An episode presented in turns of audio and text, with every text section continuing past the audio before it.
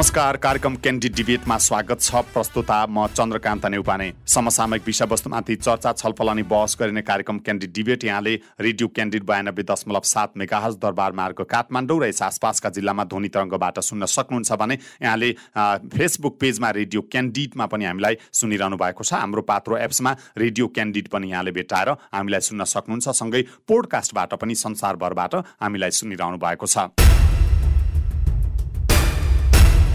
श्रोता चुनावको मिति घोषणा भएसँगै प्रतिनिधि सभा र प्रदेशसभाको म्याद अब असोज एक गतेसम्म मात्र छ र देशव्यापी एउटा चुनावी माहौल बनेको छ।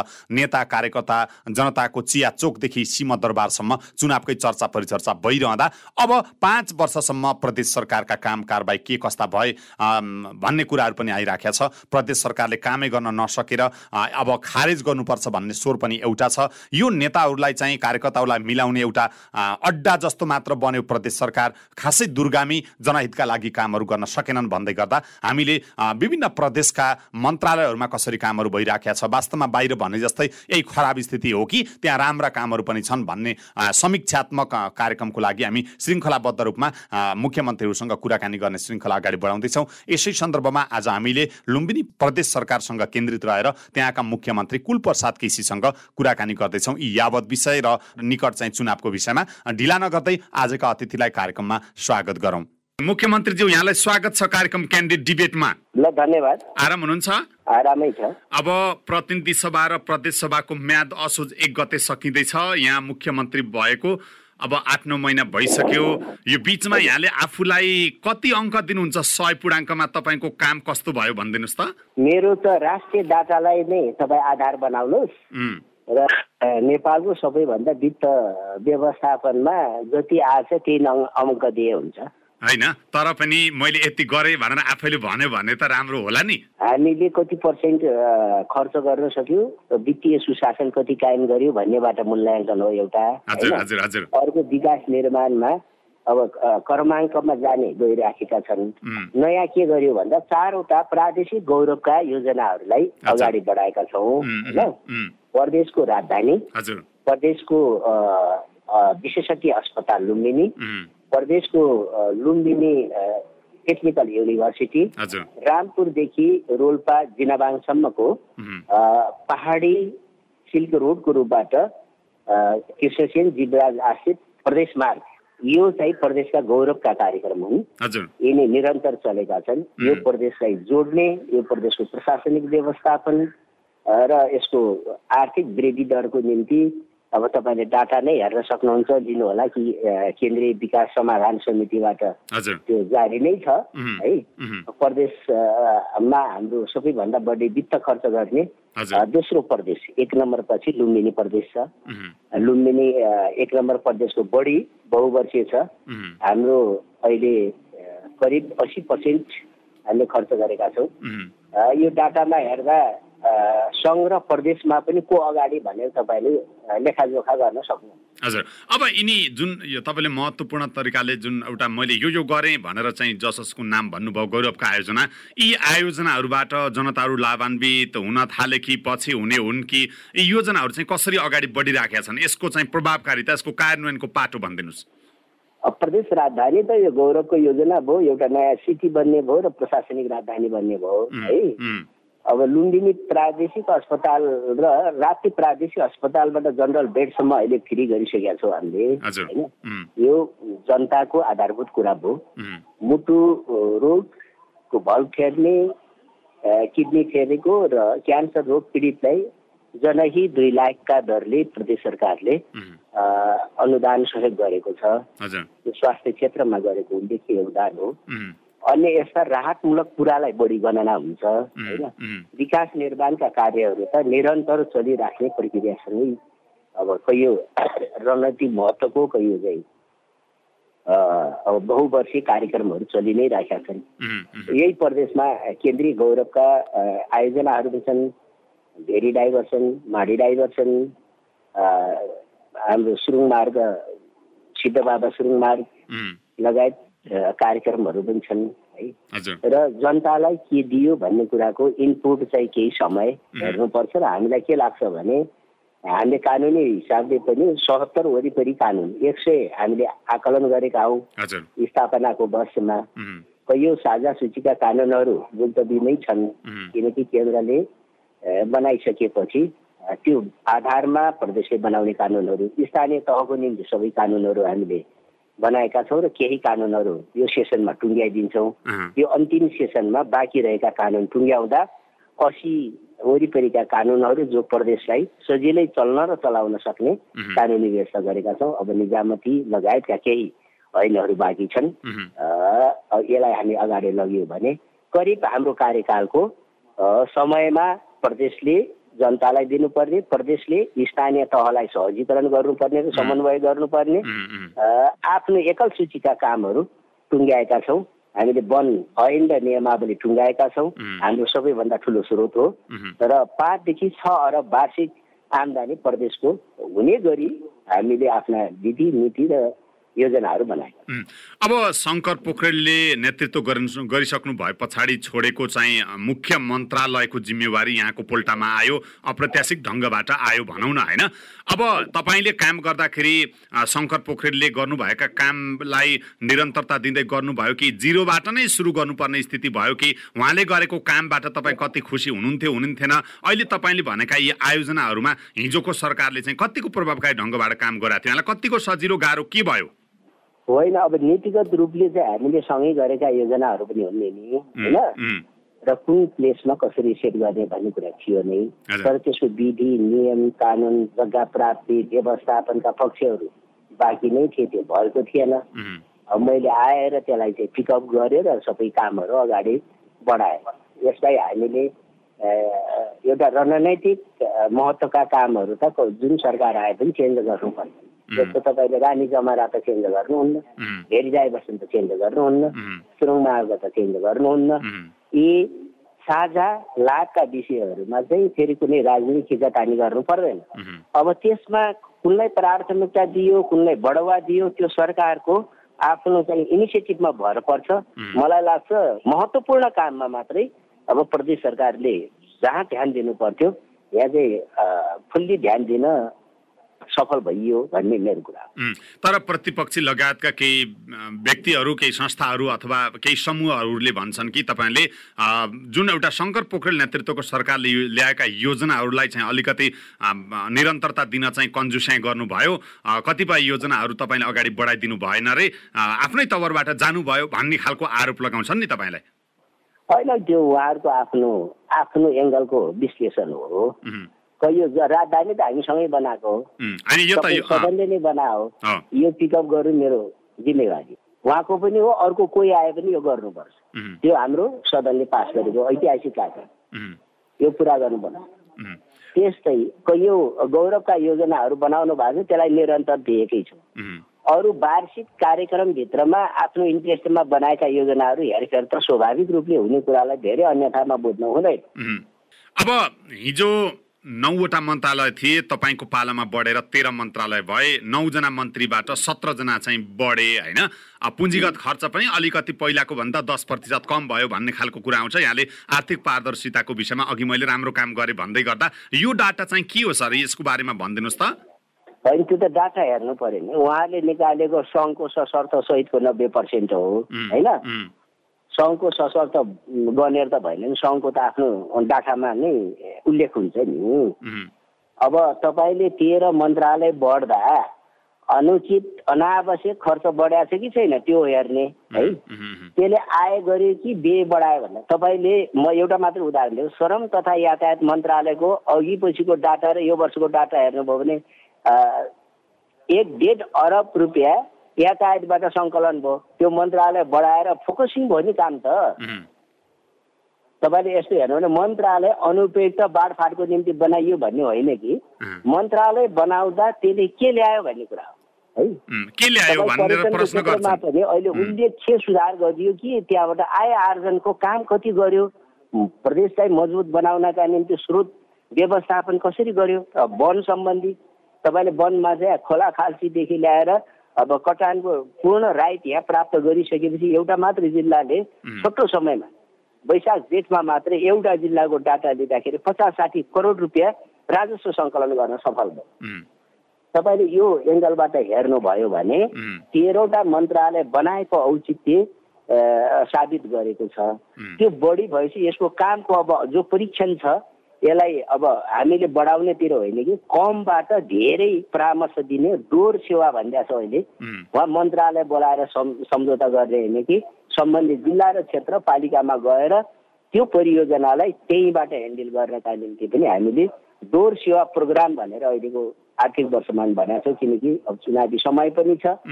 र हामीले आफूलाई विकासका निरन्तरतालाई रोक्न हुँदैन। राजनीतिक प्रतिस्पर्धा आफ्नो ठाउँमा रहन्छ। तर विकास निर्माण र सुशासन भन्ने आम जनताको अनुभूति हो र सङ्घीयताको औचित्य पुष्टि गर्ने कार्य हो भन्ने कुरामा हामी सचेत नै छौँ। तर देशैभर प्रदेशको काम प्रदेश सरकारले गरेका काम कारबाहीलाई हेर्ने हो भने त धेरै प्रश्नहरू आएका छन्। प्रदेश सरकारले जनताको हितमा राम्रोसँग काम गर्न सकेन। यहाँ मन्त्रीमण्डल पुनर्गठन गर्ने मन्त्री फेर्ने बढाउने यो चाहिँ सत्ता स्वार्थको लागि नेता कार्यकर्ताहरूलाई चाहिँ भर्ती गर्नको लागि हो भनेर धेरैले त भन्छन् नि। मन्त्रालयको सङ्ख्या बढाउनु जरुरी थिएन भनेर।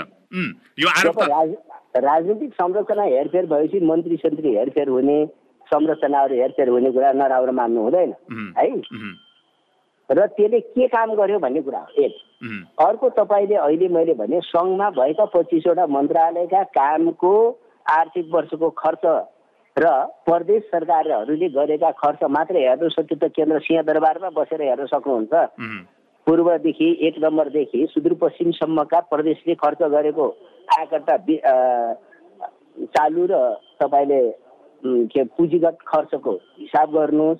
त्यसपछि सङ्घको पच्चिसवटा मन्त्रालयले गरेको खर्च हिसाब गर्नुहोस् न त्यसपछि सङ्घीयताको आवश्यकता थियो कि थिएन। यसले सुविधा केन्द्रित गर्यो कि गरेन भन्ने पुष्टि त्यही हुन्छ।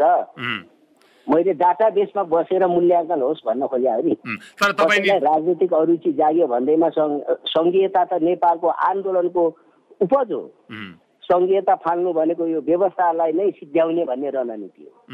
अब तपाईँले किन बनाएको छ? यो त बलिदानबाट प्राप्त गरेर बनाएको चिज हो। यसलाई समृद्ध गर्ने व्यवस्थित गर्ने कार्य त त्यहाँ जाने राजनीतिक दल जसले सरकारको नेतृत्व गर्छ उसको डिजाइनमा सफल बनाउने हो।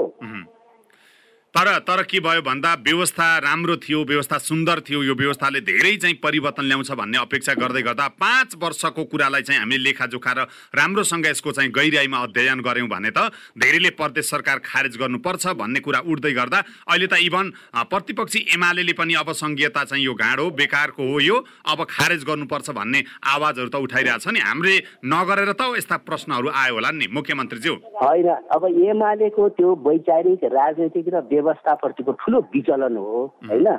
एमाले पार्टी जसले परिवर्तनको पक्ष पोषण गर्न सकेन भन्ने नै पुष्टि गर्छ।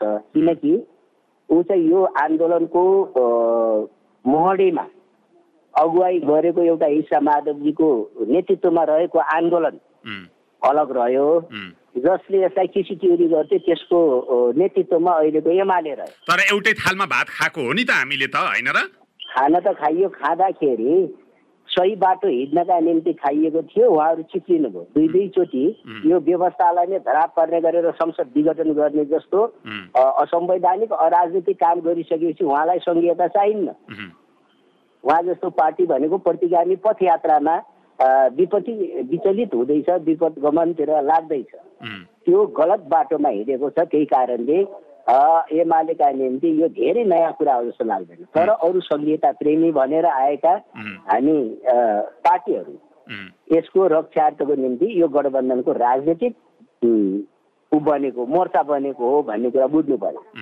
अब अब धेरै बाहिर के भन्छ भने केपी ओलीलाई मात्र होइन जनतालाई पनि सङ्घीयता चाहिएको छैन। सङ्घीयता त केही दल केही नेता केही मान्छेलाई मात्र चाहिएको थियो भन्ने आवाज पनि त धेरै आउँदैछ नि मुख्यमन्त्री झ्याले सुन्नुहुन्छ होला धेरै हिँड्नुहुन्छ जनताको घर घरमा पुग्नुहुन्छ। यो मेरो आवाज भन्दा पनि यो बाहिर सुनेको आवाज हो कि होइन? होइन एउटा शक्ति छ जसले एउटा ब्युरोक्रेटिक प्रणालीमा बसेको एकात्मक सूचीबाट प्रशिक्षित भएको कि ब्युरोक्राट्सहरू केही अब यसको चाहिँ त्यहाँभित्रका बिचौलियाहरू केही प्रतिगामी राजनीतिक धारणा बोकेका धर्मात्माहरू केही चाहिँ यतापट्टि चाहिँ अब यस्तै संसदलाई बेला बेलामा हस्तक्षेप गर्ने कानुनको धज्जी उडाउने संविधानलाई उडाउनेवाला तत्त्वहरू यसको मिली भगतमा फैलाएको हल्ला हो जनताले त्यो अनुभूति गरेको नगरेको भन्ने कुरा त यो कामका सूचीहरू जनताको अगाडि लानुभयो भनेदेखि नजिकको सरकार सुविधा त प्राप्त भयो नि। एक लाखको योजना बोकेर सिंह दरबार जाने युग पनि त बिताएको छ नेपालका जनताले।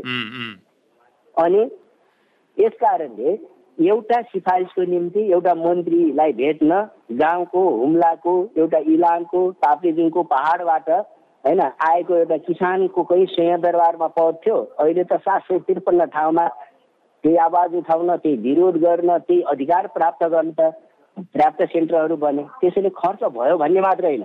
सुव्यवस्थापन पनि बढेको छ। र कैयौँ ठाउँमा एक दुईवटा परिघटनामा एक दुई ठाउँमा गरेका लिडरसिपका कमजोरीले व्यवस्था खराब भन्न मिल्दैन। होइन धेरैले के भन्छन् भन्दा स्थानीय तह जुन छन् सात सय त्रिपन्न यसलाई अलिकति शक्तिशाली बनाउने सङ्घले अलिकति अधिकार प्रत्यायोजन तपाईँले संविधानमा प्रदेश र सङ्घले अधिकार दिने भनेको छ त्यसलाई संविधानको हरप हेर्नुहोस् न। उसले कानुनी व्यवस्था गरिदिने भनेको छ। आफै शक्तिशाली हुन्छ ऊ। होइन मैले भन्न खोजेको यसलाई शक्तिशाली बनायो भने प्रदेशको खासै काम छैन भन्ने आवाज आउँछ नि त भन्न खोजेको संविधानै रहन किन संविधानमा त हरेक ठाउँमा प्रदेशै छ त। अनि भनेको प्रदेश खारेज हुनु भनेको सङ्घीयता जानु हो होइन त मुख्यमन्त्री मात्रै जान्न संविधान खारेज गर्ने। संविधान खारेज हुन्छ। ओके अब मैले केही प्रश्नहरू ल्याउँछु कि संविधान उल्टाउनुहोस् नत्र भने त्यत्तिकै मनोपल्ली असंवैधानिक कुरा गर्दै हिँड्नु अब जस्तो मैले तपाईँको अब यो कार्यकालको विषयको कुरा लिएर आउँछु। तपाईँहरूले एउटा चाहिँ भागवन्टा गर्नुभयो कङ्ग्रेससँग। अबको आदि आदि आठ आठ महिना चलाउँ भनेर भन्दै गर्दा अब चाहिँ चुनावको मिति घोषणा भयो यो परिवर्तन हुने कुरा भएन। तर तपाईँले कङ्ग्रेसलाई चाहिँ सत्ता दिनु भएन तपाईँ टाँसिरहन खोज्नुभयो भनेर चाहिँ कुरा गर्छन्। कङ्ग्रेस पनि असन्तुष्ट छ। हजुरको कार्यशैलीबाट अरू पाँच घटकहरू पनि अलिकति असन्तुष्ट छन् भनेर एउटा असन्तुष्टिको स्वर बाहिर आएको छ। यो सही हो कि गलत? हो भनिदिनुहोस् त हजुर आफैले। होइन असन्तुष्टि त आफ्नो व्यक्तिगत निहित आकाङ्क्षा पुरा गर्नलाई राख्ने कुरा त कहिले पनि कसैले रोक्दैन। हामी यसमा इमान्दार नै थियौँ। तर केन्द्रीय सरकारले जे बाँडफाट गर्यो अथवा केन्द्रीय हाम्रो गठबन्धनले दुई दुई प्रदेश माओवादीको दुई काङ्ग्रेसको दुई समाजवादीको दुई र जसपाको एक प्रदेश भनेर बाँडफाट गरिसकेपछि त्यो नीतिका कारणले मात्रै हामी आफ्नो भूमिका पुरा गर्नु पर्या हो। नत्र व्यक्तिगत रूपले मैले दिनुपर्ने हो भने मैले अस्ति नै दिइसकेँ किनकि पाँच दलीय गठबन्धन भनेको त्यहाँ जटिल मुद्दाहरू पनि छन्। कयौँ मुद्दाहरू मिल्दैनन् कयौँ आकाङ्क्षाहरू मिल्दैनन्। र सिस्टमलाई व्यवस्थित गर्दाखेरि फेरि दलहरूको आकाङ्क्षा पुरा नहुन सक्छ है? अब दलहरूको कुरा सुन्दाखेरि सिस्टममा प्रादेशिक विधि पद्धति नहिँड्न सक्छ। अब त्यसलाई निहित स्वार्थमा राख्नु हुँदैन। कहिले चाहिँ अनुपयुक्त काम नहोस् नफरत प्राप्त नहोस् भन्ने कुरामा म त सचेत नै छु। बजेट विनियोजन गर्दा अलिकति उनीहरू बेखुसी भए हजुरसँग भन्छन् नि। होइन उहाँले यस्तो हाम्रो बजेटको आँकडाभित्रमा सबैले सबैलाई पुर्याउन त त्यो केन्द्रमा पनि तपाईँ सक्नुहुन्न प्रदेशमा पनि सक्नुहुन्न स्थानीय तहमा पनि सक्नुहुन्न। आकाङ्क्षा धेरै छन्। हामीसँग सीमित साधन स्रोत छ। जनताको सेवा प्रवाहमा ठुलो धनराशि सबै बजेटहरूमा गइराखेका छ। सेवा सुविधा नपाएको जनताको एकातिर गुनासो छ। अर्कोतिर प्रतिनिधिहरूले एक्टिभली यसको म्यानेजमेन्ट गर्नका निम्ति विधि नीति नियमावली कानुनहरू बनाइदिने कुरामा अपर्याप्त हुँदा व्यवस्थित नभएको गुनासो पनि छ। अब माननीयज्यूहरूको आफ्नो क्षेत्रमा बढी जो अपेक्षा अथवा जनतालाई आश्वासन दिनुभएको छ सबै पुरा होस् भन्ने यो चलिरहन्छ। यो चल्ने कुरालाई मैले अन्यथा लिँदैन हजुर। अब एउटा प्रश्न तपाईँसँग छ जस्तो प्रदेशले गर्नुपर्ने कतिपय कामहरूमा केन्द्रले अझै पनि अङ्कुश लगायो। केन्द्रले जति अधिकार प्रत्यायोजन प्रदेशलाई गर्नु पर्थ्यो त्यो गर्न नसक्दा पनि हजुरले सोच्छ पारदर्शी मित्यपे ढङ्गबाट काम गर्न अलिकति गाह्रो भयो कानुनहरू बनाउन समस्या भयो कानुनहरू दोहोरिने स्थिति भयो। यसको एउटा ज्वलन्त उदाहरणको रूपमा मधेस प्रदेशमा अहिले चाहिँ प्रहरी समायोजन भनेर चाहिँ एउटा चाहिँ अल्टिमेटमै दिएर त्यहाँको गृहमन्त्रीले आन्दोलन गर्ने घोषणा गर्नुभएको छ। यी यावत विषयमा गर्नै पर्ने काममा जस्तो प्रहरीको कुरा पनि प्रदेशले पर्ने काम थियो। यी लगायतका कुरामा चाहिँ अधिकार नपाएको हो तपाईँहरूले? होइन त्यो त जगजाहेरी छ कि एकल सूचीमा छ तपाईँ संविधानको धारामा हेर्नुहोस् प्रदेश प्रहरी एकल सूचीमा प्रदेश अनुसन्धान ब्युरो एकल सूचीमा छ। त्यो कार्य गर्नका निम्ति पहिलो पटक प्रहरीहरूको भर्ना पूर्वको शक्तिलाई विनियोजन गर्ने भन्ने थियो है? अब पाँच वर्षसम्ममा प्रहरी समायोजन नगर्नु प्रदेश सबैले कानुन बनाएर तयार बनाइसकेको र केन्द्रले ढिला गरिदिँदाखेरि यो समस्या आएकोले अब उहाँले उठाएको आवाज सही नै छ। हामीले त्यो कुरा गरिदिनुपर्छ। एक दोस्रो लाखौँ कर्मचारीहरूको निजामती ऐनलाई व्यवस्थित नगर्दा त्यहाँभित्र पर्याप्त असन्तुष्टि र व्यवस्थापनमा जो समस्या छ यसलाई पनि हामीले फुलफिल गर्नु पर्थ्यो। त्यो काम बाँकी रह्यो।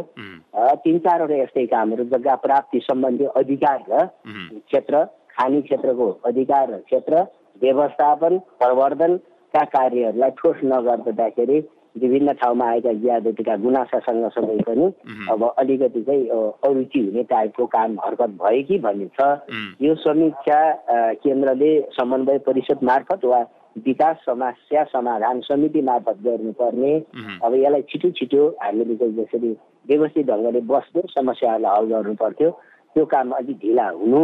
अब यहाँ गठबन्धनका विभिन्न समस्याहरू पनि होलान्। बेला बेलामा फेरि अदालत र प्रशासन अथवा भन्नुहोस् कार्यपालिका र न्यायपालिका बिचमा पनि तालमेल कमजोर हुनु यो पनि केही समस्याहरू छन्। यिनी कुरा हल गर्नुपर्छ यसको निम्ति एउटा वृहत रूपले छलफल गर्नुपर्ने समयका हिसाबले भेटिएको छ किनकि अब नयाँ निर्वाचन घोषणा गरेर नयाँ निर्वाचन अगावै निजामती प्रशासन र प्रहरी प्रशासनलाई सुव्यवस्थित गर्दाखेरि सुशासन व्यवस्थित गर्न सफल भइन्छ। यति काम गरौँ। नागरिकताको निम्ति जो नागरिकताविहीन जनताहरूका निम्ति सुव्यवस्थित गर्नुपर्ने छ यति कार्यान्वयन गरियो र भूमि व्यवस्था सम्बन्धी अब दुरुपयोग नहोस् यो राजनीति गरेर लामो थलो नबनोस् यसलाई समयमै निप्ट्याइदियो भने नेपालमा केही सुधारका परिणाम प्रदेश प्रदेश कामकाजमुखी देखिन्छ यति भयो भने। यो भयो भने अगाडि बढ्छ। सुशासन अगाडि आउँछ प्रशासनिक रूपले चाहिँ प्रदेश जवाबदेही हुन्छ। अब त्यहाँ प्रदेशले ठिक ढङ्गले हेलदेन नगरेपछि यसको संयन्त्र त केन्द्रमा परिकल्पना संविधानले गरेका छ नि त। तर यो सबै सबै यो यो सबै बुझेका व्यक्तिहरू हाम्रो केन्द्रमा हुनुहुन्छ कुनै अमुक व्यक्ति त छैन। र पनि यो किन बुझिदिनु भएन यो कुरा? सङ्घीयताको कुरा मर्मको कुरा बुझिदिनु भएन नि। सोचमा त केन्द्रीयता नै हाबी देखियो नि नेताहरूका प्रचण्डहरूका सबैका। होइन अब त्यही त्यही कारण उयो कार्यान्वयन नभएपछि सोचमा व्यक्त गर्ने कुरा मात्रै ठुलो होइन। यसलाई यथाशीघ्र लागू गर्नुपर्ने नै हो है।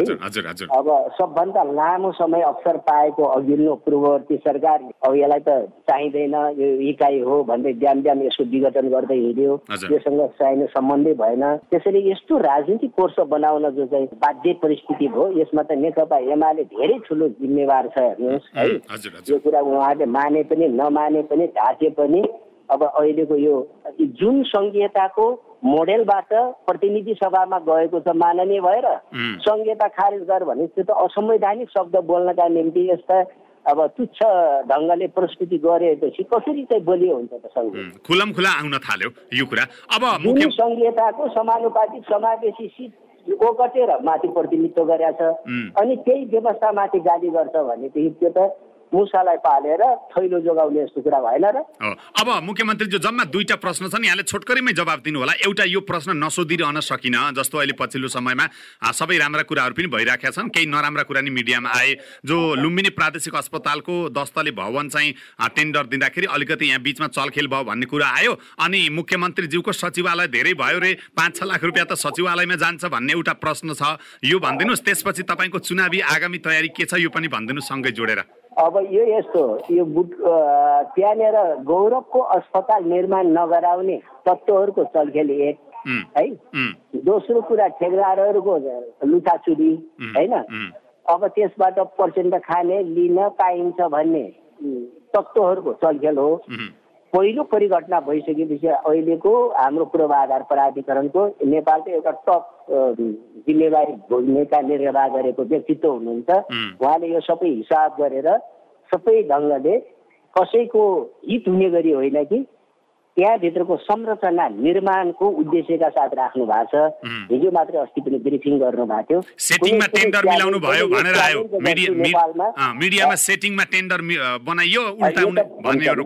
भन्न दिनुहोस् यो हाम्रो सरकार होइन पूर्वाधार प्राधिकरण भनेको स्वास्थ्य निकाय हो। त्यहाँभित्र चाहिँ कानुनी अब त्यहाँभित्रको चाहिँ जो खरिद प्रक्रिया ऐन नियमावली भन्दा बाहिर हुँदा बित्तिकै त चलखेल भन्न मिल्यो।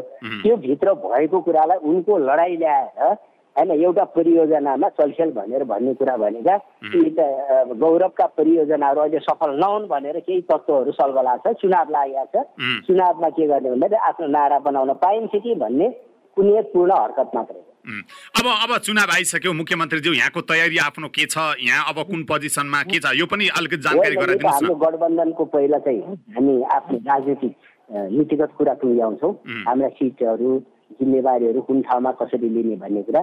त्यसपछि पार्टीहरूले आफ्ना कुन कुन प्रतिनिधिलाई कहाँ सेट गर्ने भन्ने हुन्छ। राष्ट्र र संहिताको संरक्षण गर्नका निम्ति अब अनुभवी पाका साथीहरू चाहिँदा कुन ठाउँमा सेट गर्ने। अब एउटा जोसिला साथीहरूलाई राख्दाखेरि कहाँ राख्ने भन्ने कुरा त आफ्ना पार्टीले यो सम्बन्धित जानकार साथीहरूले निर्धारण गर्ने कुरा हो। यसमा मेरो व्यक्तिगत भन्ने प्रश्न हुँदैन। हजुर अब कुलप्रसाद केसीज्यू मुख्यमन्त्री भइहाल्नु भयो परदेशतिर तपाईँको आकाङ्क्षा नहोला सङ्घतर्फ तपाईँको चाहिँ आकाङ्क्षा होला। पार्टीतिर चाहिँ अलिकति मिलाउँदै हुनुहुन्छ अरे भन्ने कुरा आइरहेछ। सङ्घमा उठ्ने हो हजुर अब?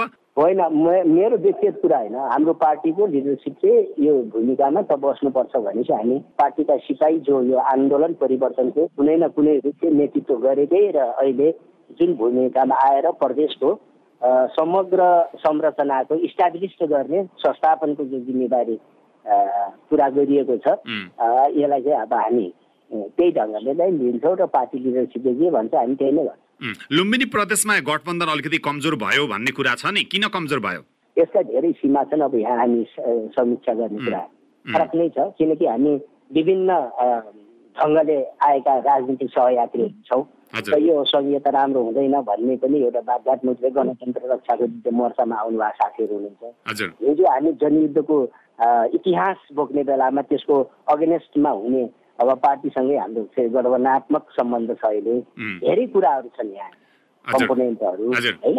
र फेरि हामीसँग हिजो जुन तिनवटा अलग अलग अञ्चलको रूपबाट काम गरेको राप्ती खेरी र लुम्बिनी अञ्चलहरू थिए। त्यसको एउटा प्रादेशिक संरचना बन्यो होइन? त्यसलाई सेटल गर्दाखेरि जनताको मनोविज्ञान र प्रतिनिधि साथीहरूको सन्तुलन मिलाउने पनि अब धेरै महत्त्वपूर्ण कुरा नै थियो। हाम्रो यहाँ विग्रहलाई कम्तीमा रोकी यसमा हामी सेटिस्फाई नै छौँ। किनकि बाँकी बर्दियाको नारा फरक थियो राप्ती क्षेत्रको फरक थियो लुम्बिनीको फरक थियो। त्यसलाई हामी सबै प्रतिनिधि प्रदेश सभामा पनि पाका पाका लिडरसिपहरू सबै पार्टीको हुनुकै कारणले हामीले सजिलै नाम स्थान र यसको कार्यक्रमलाई म्यानेज गरेको कुरा पनि तपाईँहरूको अगाडि तथ्य नै छ। हजुर अब दुर्गामी निर्णय अब दुई महिनामा हुँदैन चुनाव लायो चुनावमै सबै होमिनु भयो चारवटा दूरगामी निर्णय गौरवको नीति तथा कार्यक्रम र हाम्रो सरकारले पिकअप गरेको छ। आगामी भविष्यमा आउने सरकारले पनि यही चारवटा गौरवका कार्यक्रमहरूलाई बोकेर नै हिँड्छ। है त्यसरी नै बुझ्नुपर्छ। हस् धेरै धेरै धन्यवाद मुख्यमन्त्रीज्यू समय दिनुभयो यहाँले। ल धन्यवाद। श्रोता यतिखेर सुन्दै हुनुहुन्थ्यो क्यान्डिड डिबेटमा लुम्बिनी प्रदेशका मुख्यमन्त्री कुलप्रसाद केसी। उहाँसँग हामी उहाँको प्रदेश नेतृत्वपछि विभिन्न प्रश्नहरू पनि आएका थिए। पुँजीगत खर्च कम भएको मन्त्रालयको सङ्ख्या मन्त्रीको सङ्ख्या बढाएको अनि अलिकति चाहिँ सेटिङमा काम गरेको लगायत र केही राम्रा गौरवका आयोजना र केही जनता हितका लागि गरिएका कामहरू पनि थिए। र चुनाव घोषणा भएसँगै अब यो त्यहाँका चाहिँ मुख्यमन्त्रीहरूको तयारी अब आगामी के छ लगायतका विषयमा आज हामी कुराकानी गऱ्यौँ। आजको कार्यक्रम यहाँलाई कस्तो लाग्यो? सुझाव सल्लाह र प्रतिक्रिया दिन नभुल्नुहोला। यतिन्जेल रेडियो सुन्नुभएकोमा यहाँलाई धेरै धेरै धन्यवाद र धन्यवाद। प्राविधिक मित्र गणेश श्रेष्ठलाई पनि आजको लागि कार्यक्रम क्यान्डी डिबेटबाट प्रस्तुता चन्द्रकान्त नेउपाने पनि विदा भए। नमस्कार रेडियो सुन्दै रहनुहोला।